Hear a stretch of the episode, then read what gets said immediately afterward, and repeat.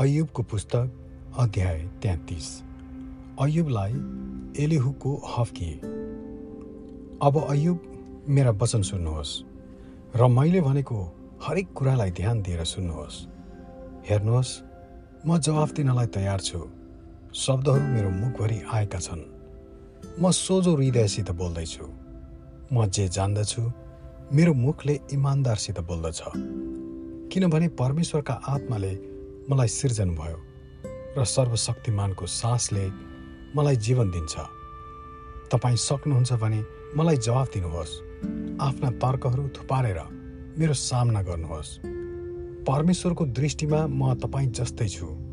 म पनि माटोबाट बनाइएको हुँ। मेरो डरले तपाईँलाई त्रस्त नपारोस् न त मेरा हात तपाईँमाथि गरौँ तपाईँले आफ्नो भन्ने कुरा भन्नुहोस् र मैले तपाईँको कुरा ध्यानसित सुने। तपाईँले भन्नुभयो म निर्दोष र बेकसुर निरपराध र दोषरहित छु। तापनि मेरो दोष परमेश्वरले भेटाउनु भएको छ। उहाँले मलाई आफ्नो शत्रु ठान्नुहुन्छ। उहाँले मेरो खुट्टामा ठिगुरा ठोकिदिनु भएको छ। अनि मैले गरेका सबै काम उहाँले निहालेर हेर्नुहुन्छ। तर हेर्नुहोस् तपाईँ गलत हुनुहुन्छ। मानिसभन्दा परमेश्वर महान हुनुहुन्छ। परमेश्वरले मानिसको उजुरको जवाफ दिनुहुन्न भनेर तपाईँ किन परमेश्वरलाई दोष लाउनुहुन्छ?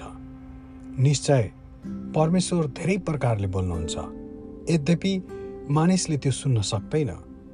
सपनाहरूमा रातका दर्शनहरूमा जब मानिसहरू मस्त निन्द्रामा परेका हुन्छन् जब तिनीहरू आफ्ना ओछ्यानमा सुतेका हुन्छन् तब परमेश्वर तिनीहरूको कानमा बोल्नुहुन्न र उहाँले को शिक्षाले तिनीहरूलाई भयभीत पार्नुहुन्छ।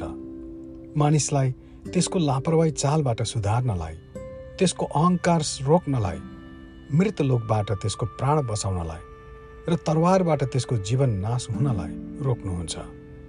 अथवा फेरि त्यसका हड्डी हड्डीमा निरन्तर पीडा पाएर कष्टको सयमा मानिसको शिक्षा पाउँछ। यसरी आफ्नो खानेकुरादेखि त्यसले अति घृणाले आफ्नो मुख फर्काउँछ र मिठोभन्दा पनि मिठो भोजन त्यसलाई अरुचि लाग्छ। त्यसको शरीरको मासु लत्रक्क झर्छ। पहिले लुकिएका त्यसका हड्डीहरू बाहिर देखिन्छन्। त्यसको प्राण मित लोकको नजिकै पुग्छ। त्यसको जीवन मृत्युका दूतहरू कहाँ पुग्छ?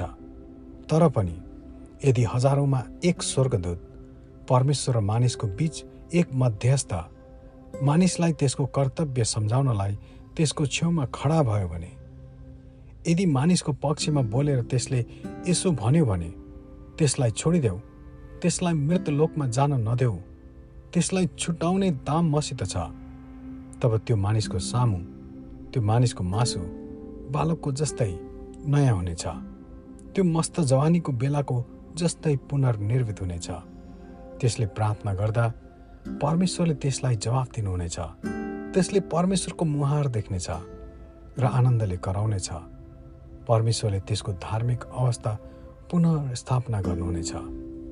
अनि त्यो मानिस कहाँ आइ भन्ने छ। मैले पाप गरेको छु। मैले ठिक कुरालाई बिगारेको छु। मैले पाउनु पर्ने पाइनँ। उहाँले मेरो आत्मालाई मृत्युमा पर्नदेखि जोगाउनु भयो र ज्योति उपभोग गर्न म अझै जीवित रहनेछु। परमेश्वर यी सबै कुराहरू मानिसको लागि गर्नुहुन्छ। दुईपल्ट तिनपल्ट पनि मृत्युलोकबाट त्यसको प्राण फर्काउन यसरी जीवनको ज्योति त्यसमाथि चम्कोस्। सुन सुन्नुहोस् अयो मेरो कुरा ध्यानसित सुन्नुहोस्। चुप लागि बस्नुहोस् र म बोल्नेछु। यदि तपाईँको बहस गर्ने कुनै कुरा छ भने मलाई जवाफ दिनुहोस् बोल्नुहोस् र म तपाईँको सफाइ चाहन्छु। तर बहस गर्न तपाईँको कुरा छैन भने मेरो कुरा सुन्नुहोस् चुप लागि बस्नुहोस् र तपाईँलाई बुद्धिको कुरा सिकाउनेछु। आमेन।